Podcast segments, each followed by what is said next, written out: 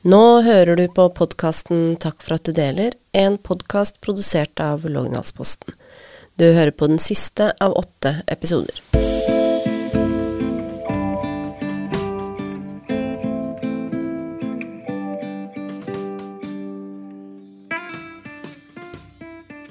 Hjertelig velkommen til den åttende og siste episoden av eh, Takk for at du deler. Mitt navn er Linn Kristin Djønne, og i dag så har vi besøk av Katarina Indjerg Svenskerud. Katarina er mamma til tre gutter, Oliver, Noah og Milo. Etter at hun hadde født mellomstemann Noah, som nå er tre år gammel, så fikk hun en meget overraskende beskjed. Katarina, tusen takk for at du har lyst til å fortelle din historie. Takk for at jeg fikk komme. Jeg har jo møtt eh, Noah flere ganger, fordi eh, han går i barnehage med sønnen min. Mm. Men eh, vi har jo aldri møttes før. Nei. Um, har du lyst til å gå litt tilbake igjen i tid og fortelle om den novemberdagen i 2019 da Noah blir født? Det mest normale som skjedde den dagen, var jo en fødsel. Um, og som, uh, som med storebror så ble det jo da en styrtfødsel. Um, uh, og Noah kom jo i hu og hast. Uh, Det var så vidt vi rakk Kongsberg sykehus. Eh, det var bare rett inn på føden Unnskyld ordspråket, ned med buksa, og så Og så var Noah der. Eh, og um, når han kom, så var vi jo egentlig eh, som alle andre foreldre når man da har eh, fått et helt eh, nyfødt barn eh, opp på brystet, at eh, vi var jo kjempeglade, og liksom nå er vi i mål. med liksom andre mann. Kan jo starte med å si at vi hadde verdens beste jordmor. Jeg hadde mye angst pga. styrtfødselen jeg hadde med storebror. Eh, så vi hadde mye forberedelser eh, i forkant med jordmorsamtaler, og da ikke minst velge en jordmor eh, som på en måte vi kunne være, føle oss trygge med.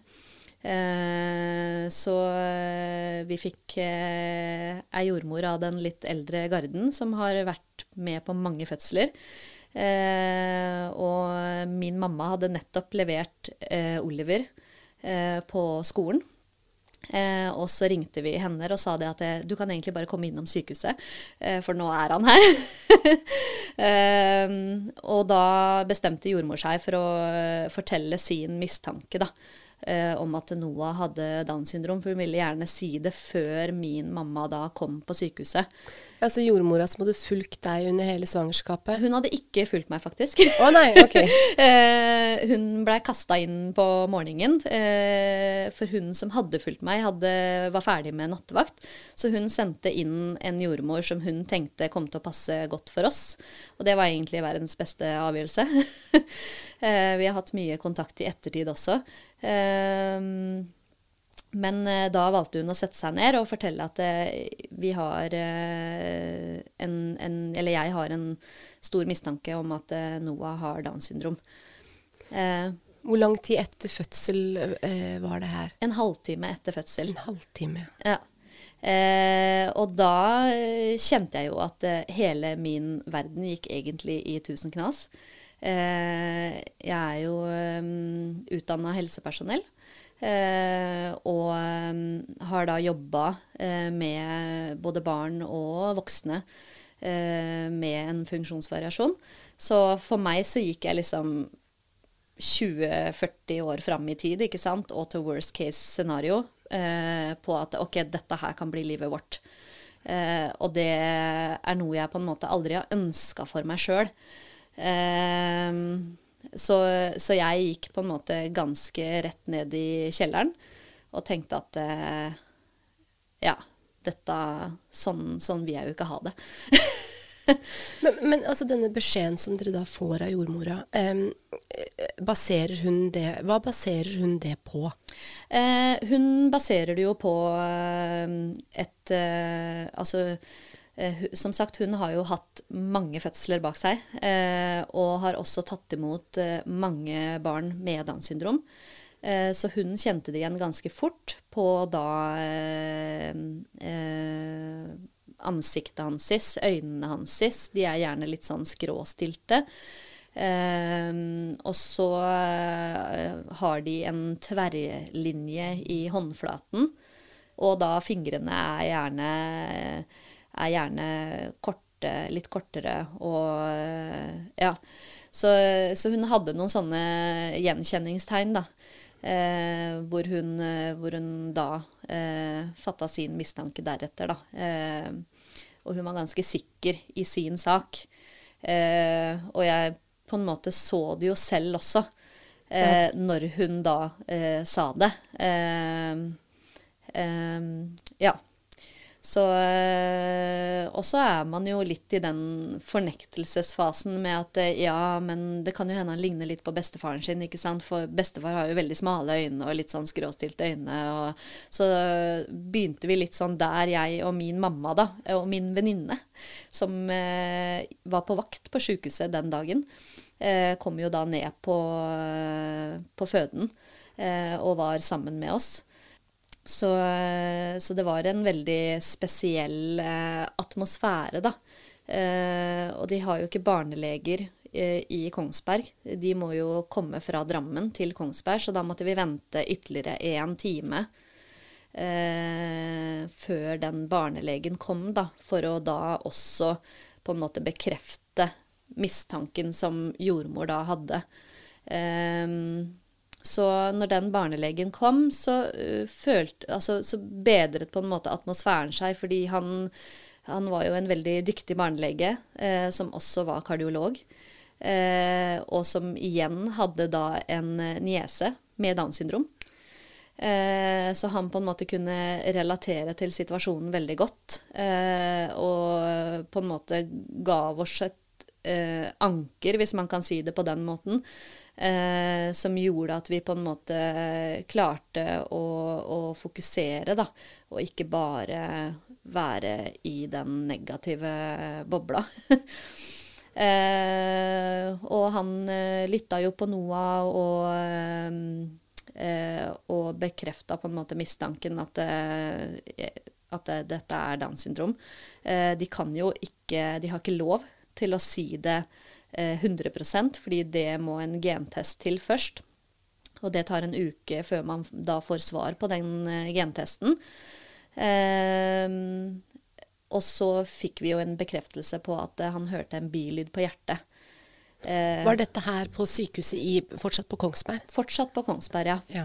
Eh, så han var eh, veldig påpasselig med at eh, dette må vi på en måte overvåke og, og følge nøye med på, da.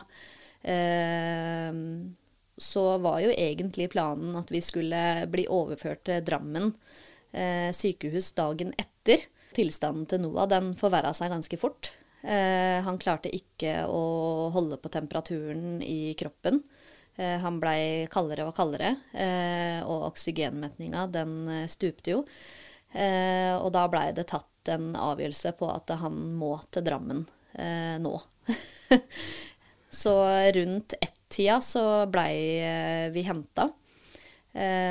Noah da blei jo lagt i en Jeg vet ikke om du har sett eh, kanskje på TV, eller eh, så har de liksom en veldig sånn stor eh, kuvøse. Eh, det ser jo veldig dramatisk ut. Mm. Og inni der skulle han da ligge inni den varme kuvøsen, da. Eh, og blei jo da stroppa fast, og det var jo et veldig sånn sirkus. det er jo en sånn reisekuvøse som de skal mm. ha i ambulansen når mm. de kjører, for mm. å eh, regulere temperaturen først og fremst, regner jeg ja. med? Ja. Mm. Eh, og da var det jo eh, Jeg kunne reise eh, i ambulansen. Eh, kunne ikke sitte baki, for de måtte være to stykker som på en måte passa på og jobba på han. Eh, så jeg satt da foran med sjåføren. Eh, og så måtte far da kjøre etter i egen privat bil. Eh, og da fikk jo også far beskjed om at eh, hvis vi må sette på blålys eh, og kjøre fort, så får ikke du lov til å følge etter. Da må du bare kjøre, kjøre som normalt. Du får jo en sjokkbeskjed mm. en halvtime etter fødselen. Mm. Men og så kommer det stadig flere beskjeder mm. i løpet av det døgnet som mm. er eh, mye mer mm. eh, akutt akutte og dramatiske. Kan du fortelle litt hva som foregår i deg i dette her? I meg så eh, endra jo på en måte den atmosfæren og den dynamikken endra seg ganske fort. Eh, det er merkelig med det, men jeg eh, tror det at når du har eh, Altså hvis eh, Altså helse og omsorg eh, og Altså når du velger det yrket, da, så tenker jeg du velger det fordi det er et kall. I hvert fall det er den følelsen jeg alltid har hatt. Eh, og du går litt eh, på autopilot.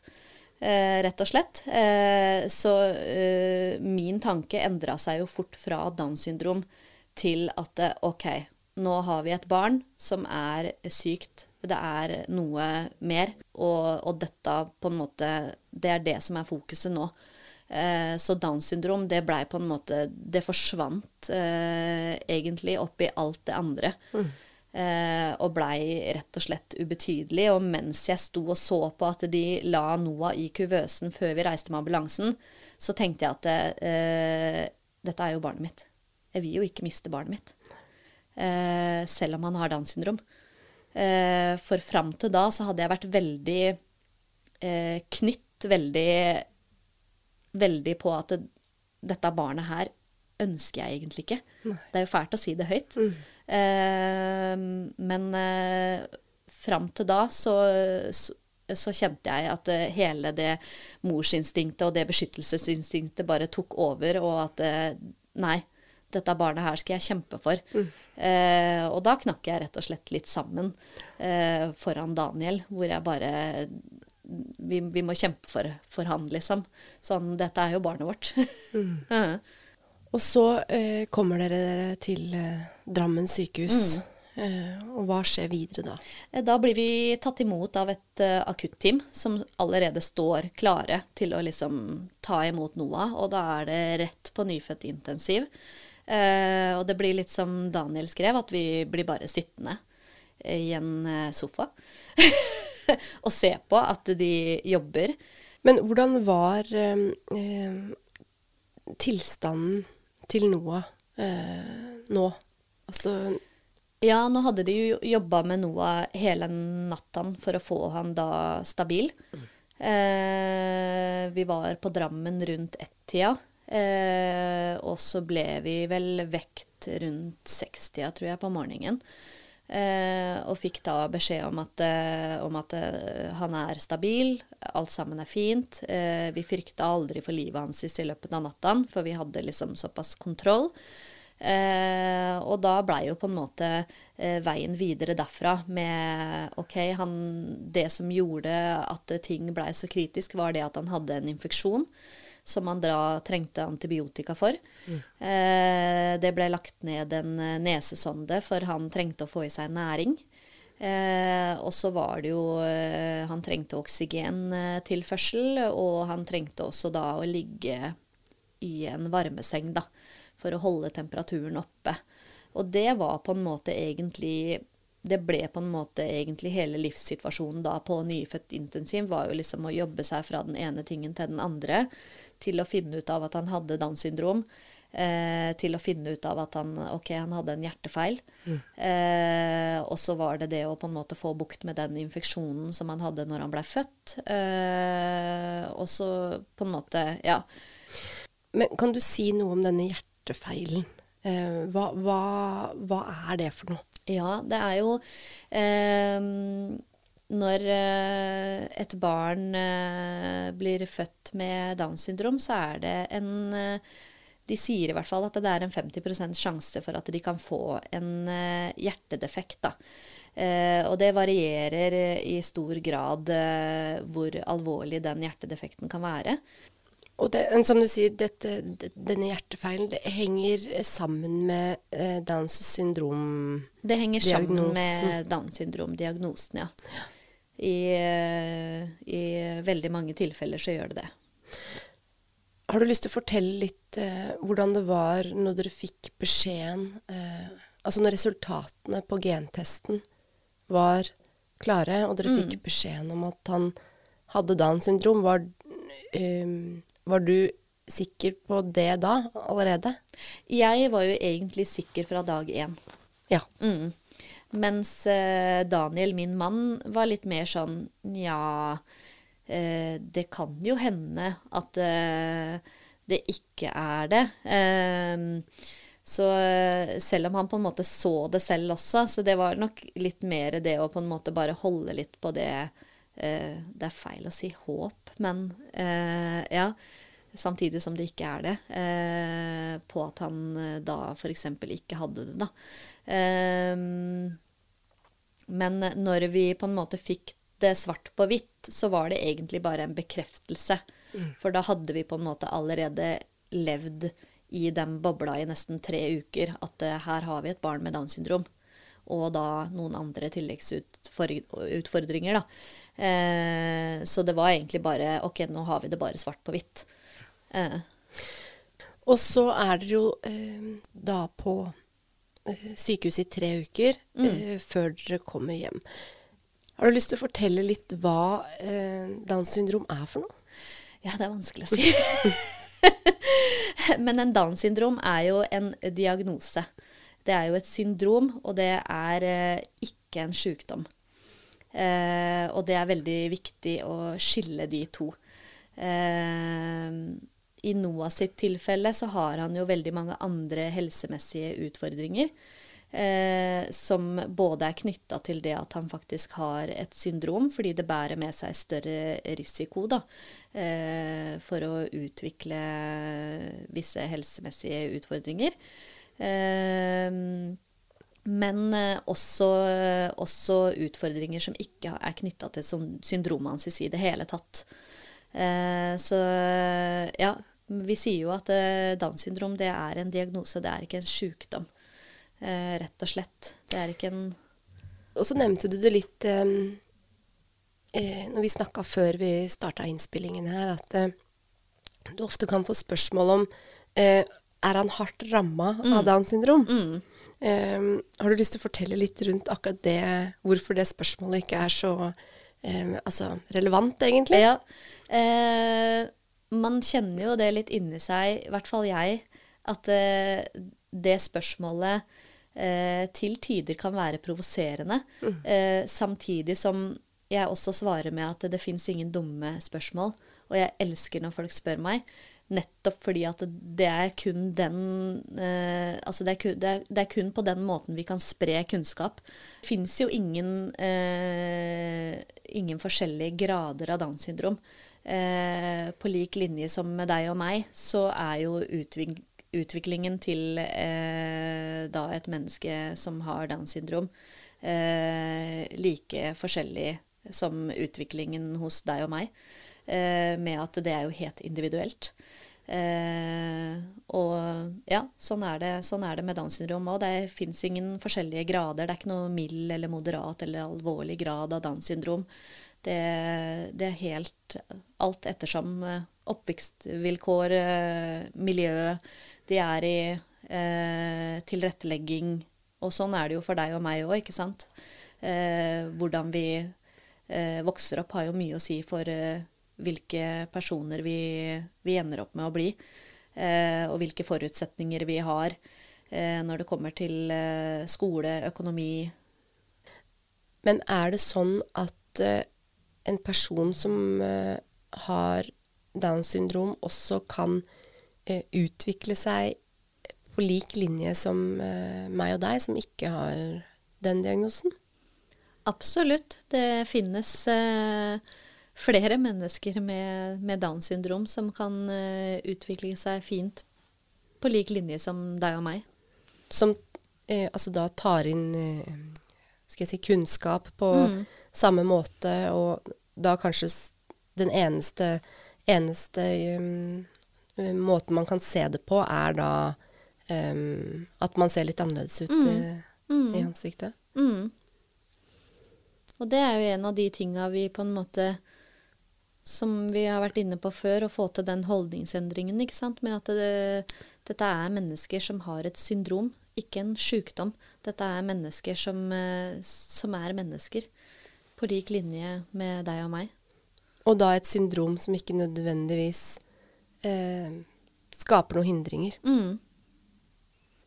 Så er det nok eh, en del fordommer eh, knytta til eh, denne diagnosen eh, også. Em, og en av de er jo det at mm, de med Downs syndrom kanskje ikke lever like lenge som andre. Mm. Hva tenker du om det? Det tenker jeg jo at eh, det er jo Fra gammelt av så hadde de eh, dårlige kår eh, som gjorde at levealderen til mennesker med Downs syndrom var lav.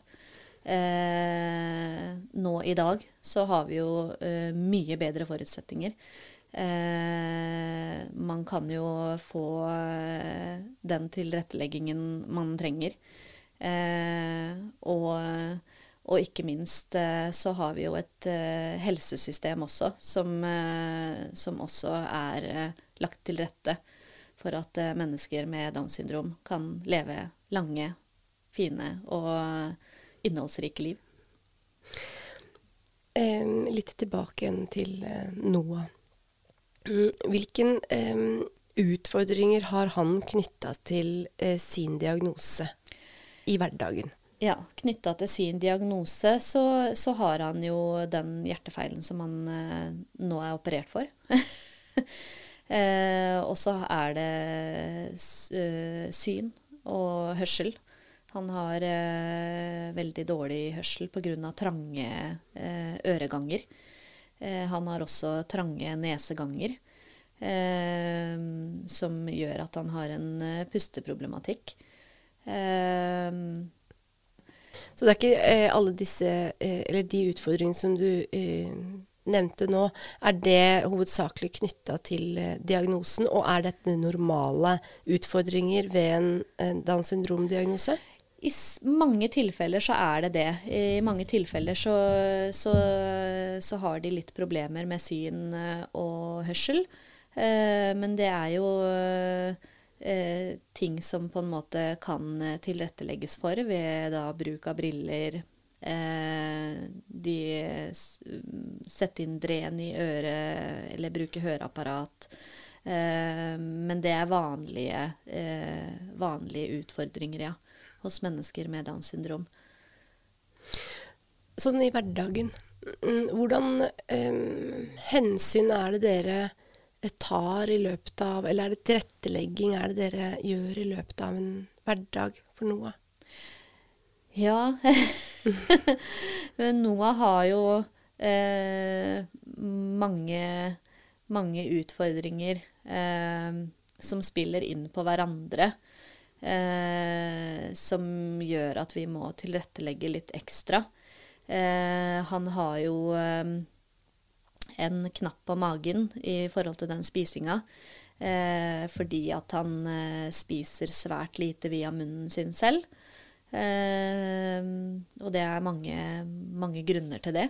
Eh, og så eh, er han en eh, sensitiv gutt, så han må skjermes eh, i løpet av dagen, eh, og da spesielt i barnehagen hvis det blir veldig mye støy eller veldig mye inntrykk, eh, mye som skjer rundt han.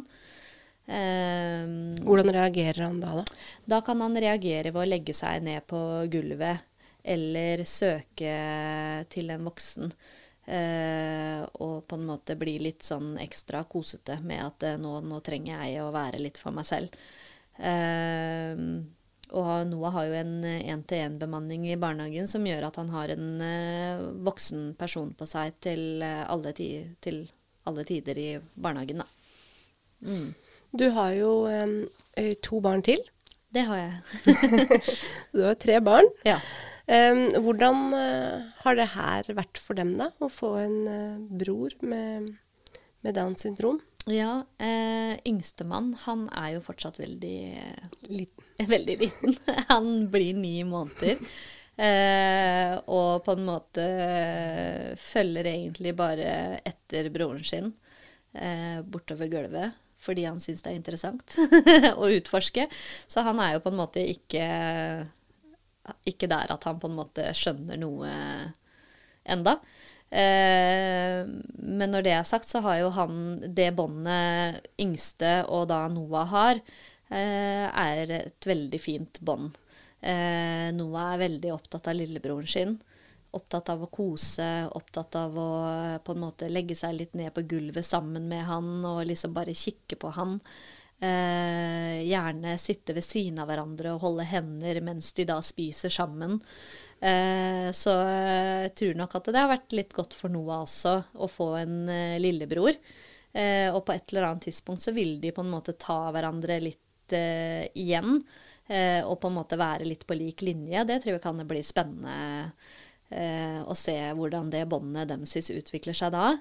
Eh, og så har vi jo en storebror eh, som har vært igjennom mye. Eh, med tanke på situasjoner som Noah har vært i. jeg har vært mye borte med Noah på sykehus. Så han eh, syns jo dette her har vært tungt. Han var jo seks år når Noah ble født. Um, og for han så hadde jo han en visjon om at uh, mamma skulle få en baby og komme hjem til middag. Mm. Yeah. uh, og så ble det jo ikke sånn. Vi ble jo borte i tre uker, selv om han var jo på besøk på nyfødtintensiv og hadde bl.a. en overnatting uh, sammen med oss også. Uh, men det er klart det er mye for en seksåring å ta inn over seg en baby som har masse ledninger, eh, og det er leger og masse styr rundt da denne lillebroren som er kommet. Eh, så for han så har det vært eh, tungt, eh, og så har det vært veldig godt for han å få en lillebror som det ikke har vært noe ekstra med. Eh, og, og det, det, tenker jeg det, det, er helt greit, det er lov. Det blir som eh, vi sier til Oliver, at det er lov å si det høyt, at det er godt å få en lillebror. Eh, som på en måte bare er en lillebror. Eh, og ikke, det er ikke noe ekstra, ikke noe ledninger. Eh, han spiser eh, som han skal, og ja. Mm. Eh, du har jo vært litt innom det også, at eh, det var, har jo vært en del tilleggsutfordringer med Noah, i tillegg til diagnosen han har, da. og så skjedde det noe i fjor. Mm. Um, som ble en ganske dramatisk uh, situasjon. Mm. Har du lyst til å fortelle hva som skjedde? Ja. Eh, I mai i fjor eh, så hadde han en planlagt eh, operasjon. Eh, og som med alle operasjoner på eh, NOAH, så bærer det en mye større risiko Eh, med seg fordi han har de utfordringene han har, så har han, er han mye mer mottagelig eh, for blødninger under operasjon eh, og etter operasjon.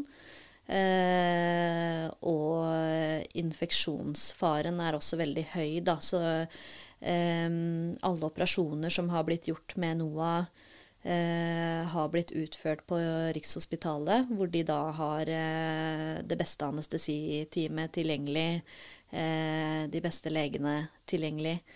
Eh, og dette var en operasjon eh, hvor de skulle fjerne mandler og polypper. Det høres veldig eh, Udramatisk ut, Udramatisk. Ut, ja. ja. Mm -hmm. eh, men det er jo en operasjon de gjerne helst utfører på større barn. Eh, fordi det er en større risiko. Eh, og, og, det er selvfølgelig uavhengig av diagnose mm, eller ikke? Mm. Uavhengig av diagnose og ikke, ja. Mm. Eh, og i det tilfellet her eh, med NOAH så, så, bærer det jo en enda større risiko med seg. Eh, men dette var noe som ikke kunne vente. Eh, nettopp fordi at han hadde så store mandler at det, det var problemer for han å svelge. Eh, og den pusteproblematikken som han hadde, eh, var såpass ille at de på en måte måtte ta en avgjørelse på at dette vi, kan vi ikke vente med. Og operasjonen den gikk som den skulle.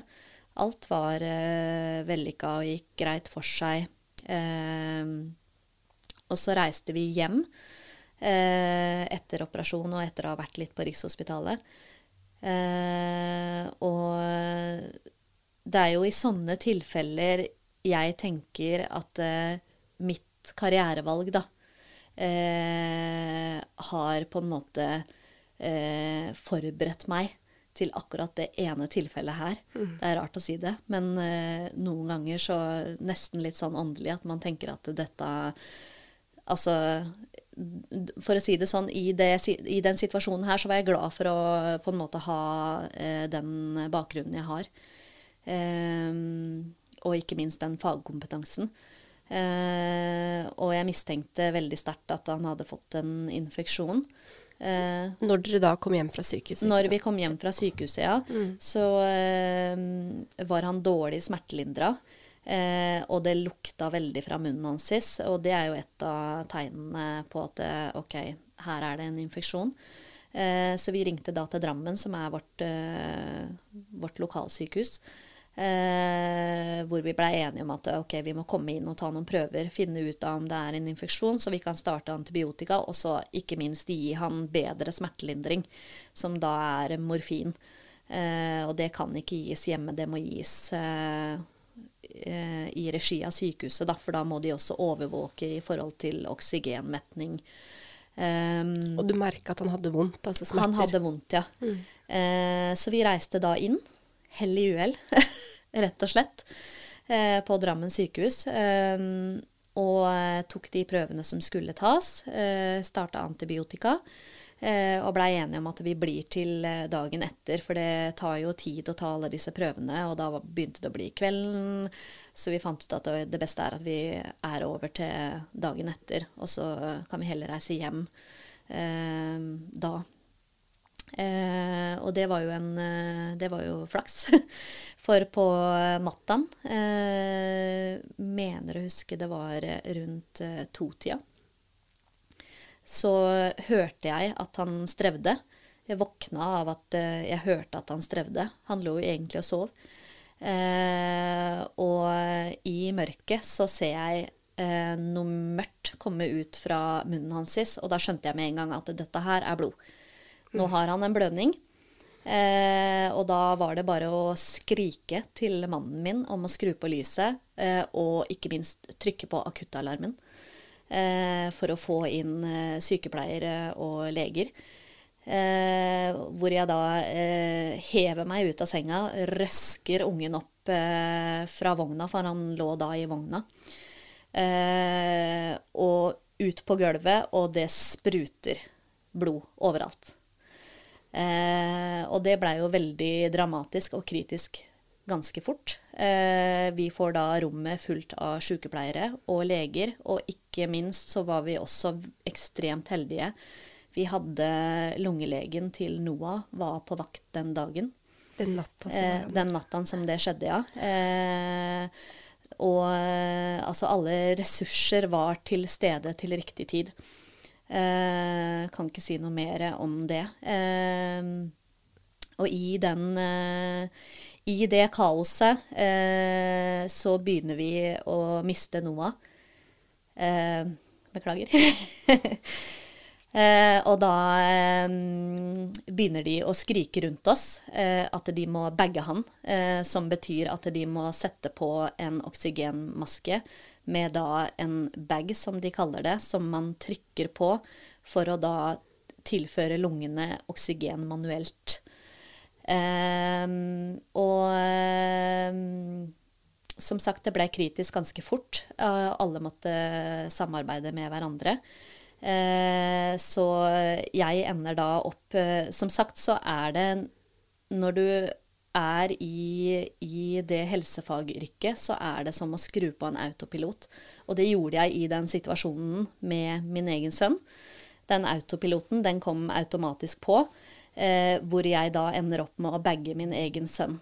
Eh, altså da sitte og trykke og trykke på den posen eh, for å tilføre oksygen eh, ned i lungene til min egen sønn.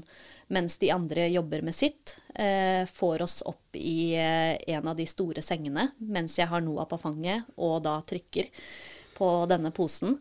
Eh, og mannen min blir stående igjen på rommet i en blodpøl, rett og slett. sammen med en annen sykepleier, mens vi skynder oss til heisen.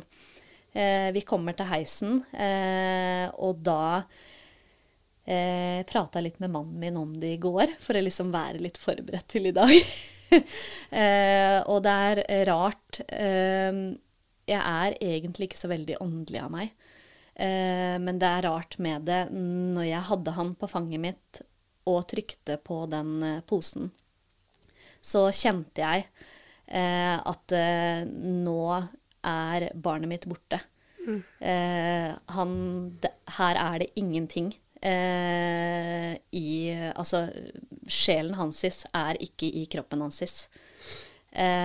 Og da eh, begynte eh, lungelegen til Noah å skrike høyt at han er borte. Lås heisen. Vi må forte oss eh, til da operasjonsstua. Eh, de låste heisen, vi kom oss inn i heisen, og de klarte så vidt å få pulsen hans opp igjen. Eh, og vi kom ut av heisen, og da var det masse skriking med 'løp, løp, løp'.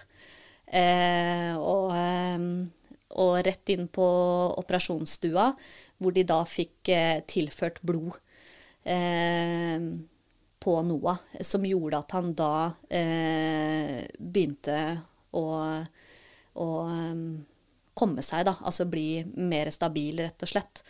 Så det var en sterk en sterk opplevelse som jeg ikke unner noen.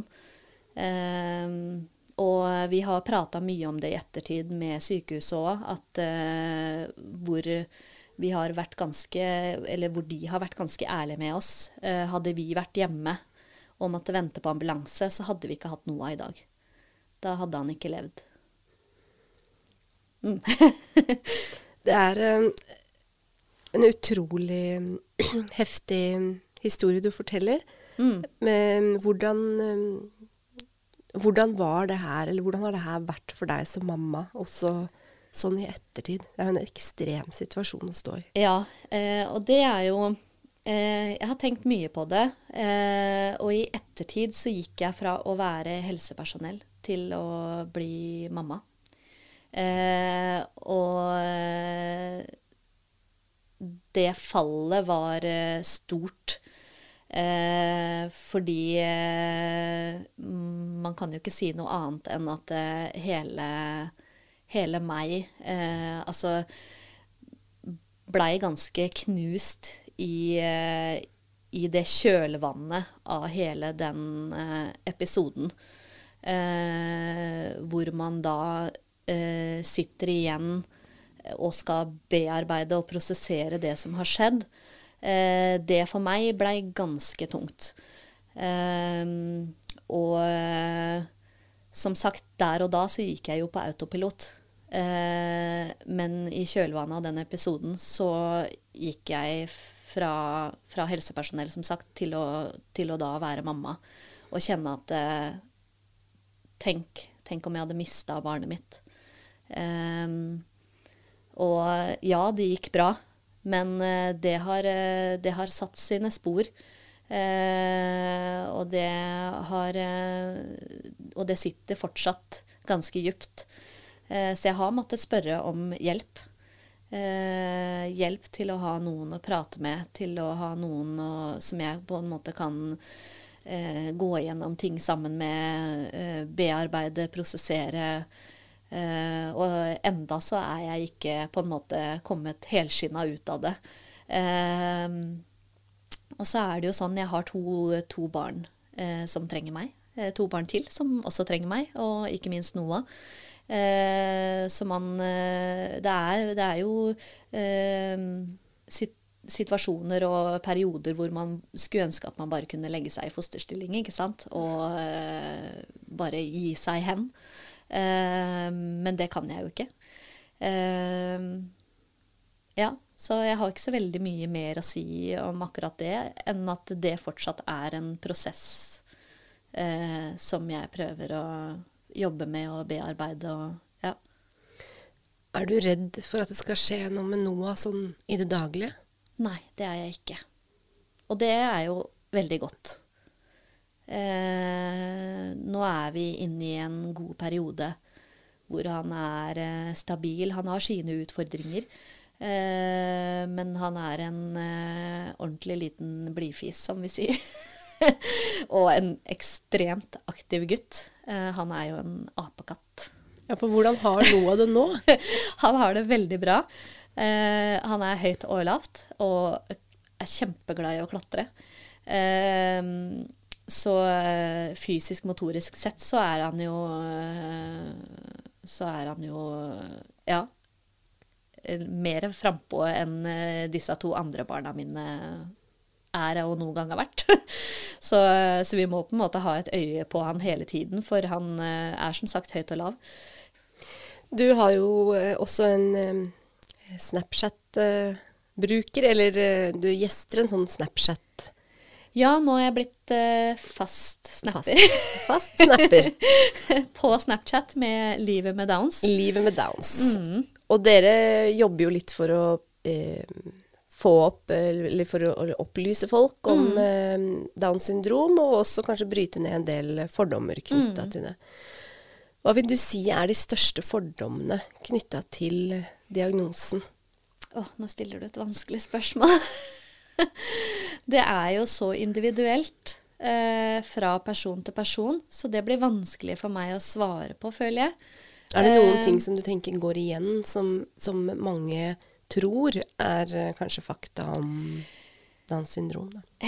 Ja, altså det meste som går igjen eh, som på en måte vi har fått oppleve, er jo det at eh, Å, ja, men eh, barn med Downs syndrom, de er jo så blide. Eh, og det er ikke en eh, det, det, er jo ikke en eh, sannhet i det, føler jeg på en måte. For at ja, han er jo en blid gutt. men samtidig så har han jo følelser på lik linje som deg og meg. Han kan jo bli kjempesint og ikke minst kjempelei seg.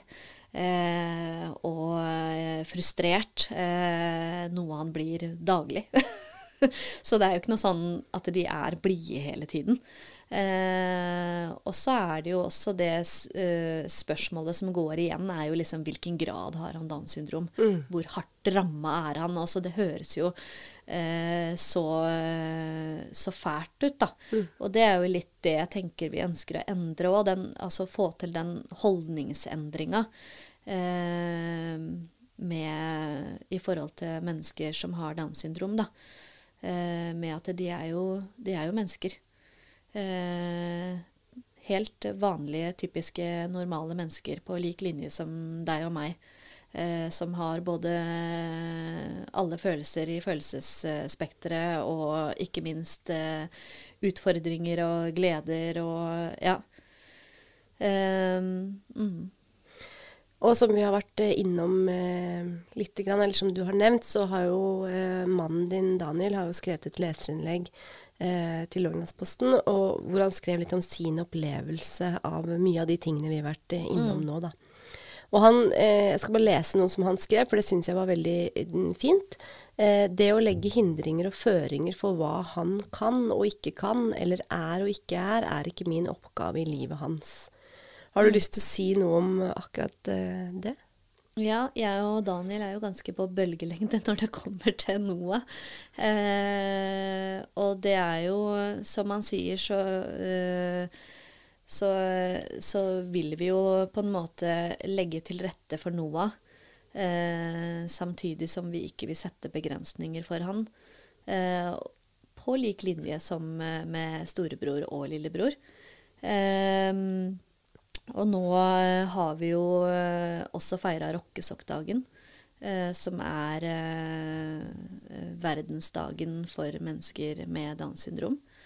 Ehm, og da har jeg litt lyst til å sitere ei i nettverket hvor hun sa det så fint at rockedagen er liksom ikke kun glede og, og, fest. Det er også en dag Eh, hvor vi markerer at vi ikke har kommet så langt da, som vi burde eh, i forhold til rettigheter for mennesker med en funksjonsvariasjon.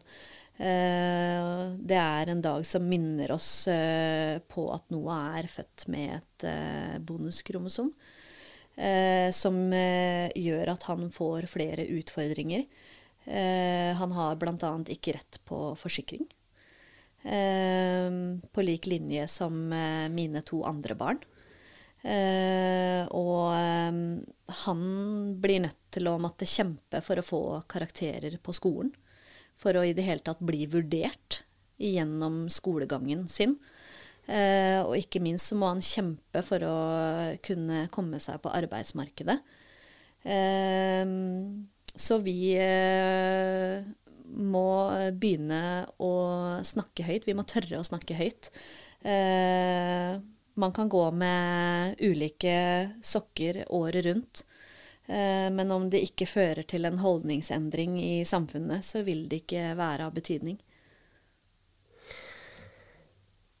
Og da kommer vi også innom et tema som, jeg, eh, som er litt ubehagelig å snakke om. Mm. Eh, men som jeg tenker at det er spørsmål som eh, er viktig å få dine betraktninger rundt. Da. Og det er jo det har vært mye debatt i media, og i 2020 så ble det jo vedtatt en del endringer i bioteknologiloven mm. som gjør, kort fortalt, at det er enklere å avdekke om et barn har Downs syndrom eh, i magen da, enn mm. en det var tidligere. Og så har man jo sett det i land hvor dette, denne endringen har vært innført uh, fra før av, at uh, det er blitt født færre barn med Downs syndrom pga. at man velger å ta abort. Mm. Hva tenker du om akkurat det? Det er jo en stor debatt uh, som jeg til tider føler det har vært vanskelig å ta stilling til. Eh, men som helsepersonell så tenker jeg at vi har en ekstremt lang vei å gå eh, når det kommer til å eh, ikke minst opplyse, eh, spre kunnskap eh, og Åssen eh, skal jeg si det? Eh, som helsepersonell så ser jeg at vi har en lang vei å gå i forhold til det hvordan vi møter foreldre eh, som da får en beskjed om at fosteret deres eh, har eh, Downs syndrom. Eller en annen eh, funksjonsvariasjon. Eh, og jeg tenker at det handler mye om møtet, det første møtet. Eh, hvordan, hvordan, ting blir lagt fram. hvordan vi snakker om det å få et barn med Downs syndrom. Um, for eh, det er ikke til å legge under en stein. Eh, jeg skal være helt ærlig på det selv, at eh, hvis jeg hadde fått beskjed, selv om jeg har jobba med det, mm. om at mitt foster hadde Downs syndrom, så kan jeg ikke si med sikkerhet hva jeg ville gjort. Men jeg hadde nok helt mer mot den retningen om et ønske om å ta abort. Eh, jeg er kjempeglad for at vi aldri fikk den valgmuligheten. For da hadde vi ikke hatt noe av eh, per dags dato. Eh, vil jeg nesten tro. Men um, hadde du visst det du vet nå, mm. hvordan det er å ha et barn med Downs syndrom, hadde du da eh, vurdert det likt? Nei. Det hadde jeg ikke gjort. Og det er derfor jeg sier at det er så viktig med den informasjonen som blir gitt på sykehus, eller da eh, i møte med helsepersonell. da. Eh, når man da tar den ultralyden eller tar den blodprøven, den NIPT-testen, eh, hvordan vi da snakker, hvordan vi møter foreldre som da skal få beskjeden om at her er det et foster som har Downs syndrom. Eh, for jeg tenker det er så viktig. Eh, jeg har jo flere i eh, vårt Downs syndrom-nettverk som har fortalt historier om at eh, det ble nesten presentert som en selvfølge at, at man skal ta abort når man har fått vite at fosteret har Downs syndrom. Og det tenker jeg det må vi gjøre noe med. Jeg håper jo at, eh, at eh, den generasjonen som er nå, ikke blir den siste generasjonen med Downs syndrom. ja. Det er, et, det, er, det, er, det er, vanskelig å ta stilling til, rett og slett. Det er en stor debatt. Helt uh, avslutningsvis Hva er det du tenker nå at du kunne ønske flere visste om Downs syndrom?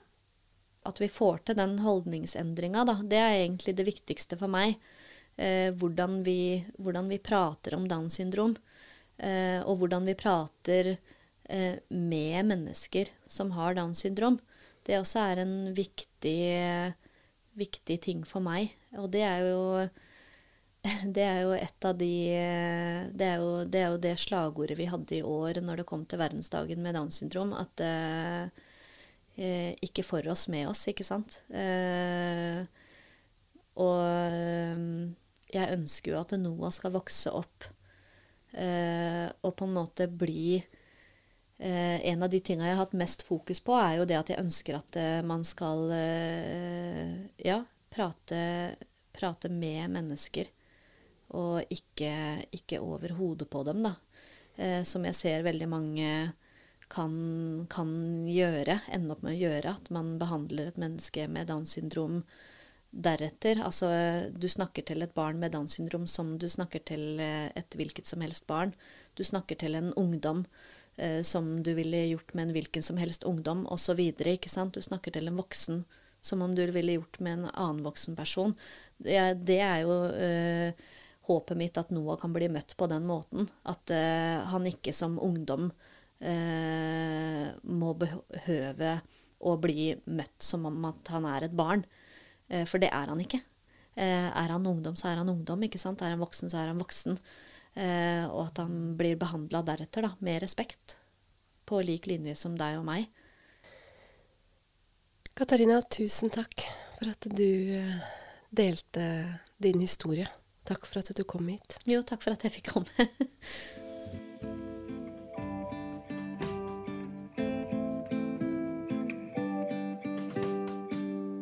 Nå har du hørt på den siste av åtte episoder i første sesongen til Takk for at du deler. Vi kommer med ny sesong høsten 2023. Ansvarlig redaktør er Jørn Steinmoen. Har du et enkeltpersonforetak eller en liten bedrift? Da er du sikkert lei av å høre meg snakke om hvor enkelt det er med kvitteringer og bilag i fiken, så vi eh, gir oss her, vi. Fordi vi liker enkelt. Fiken superenkelt regnskap.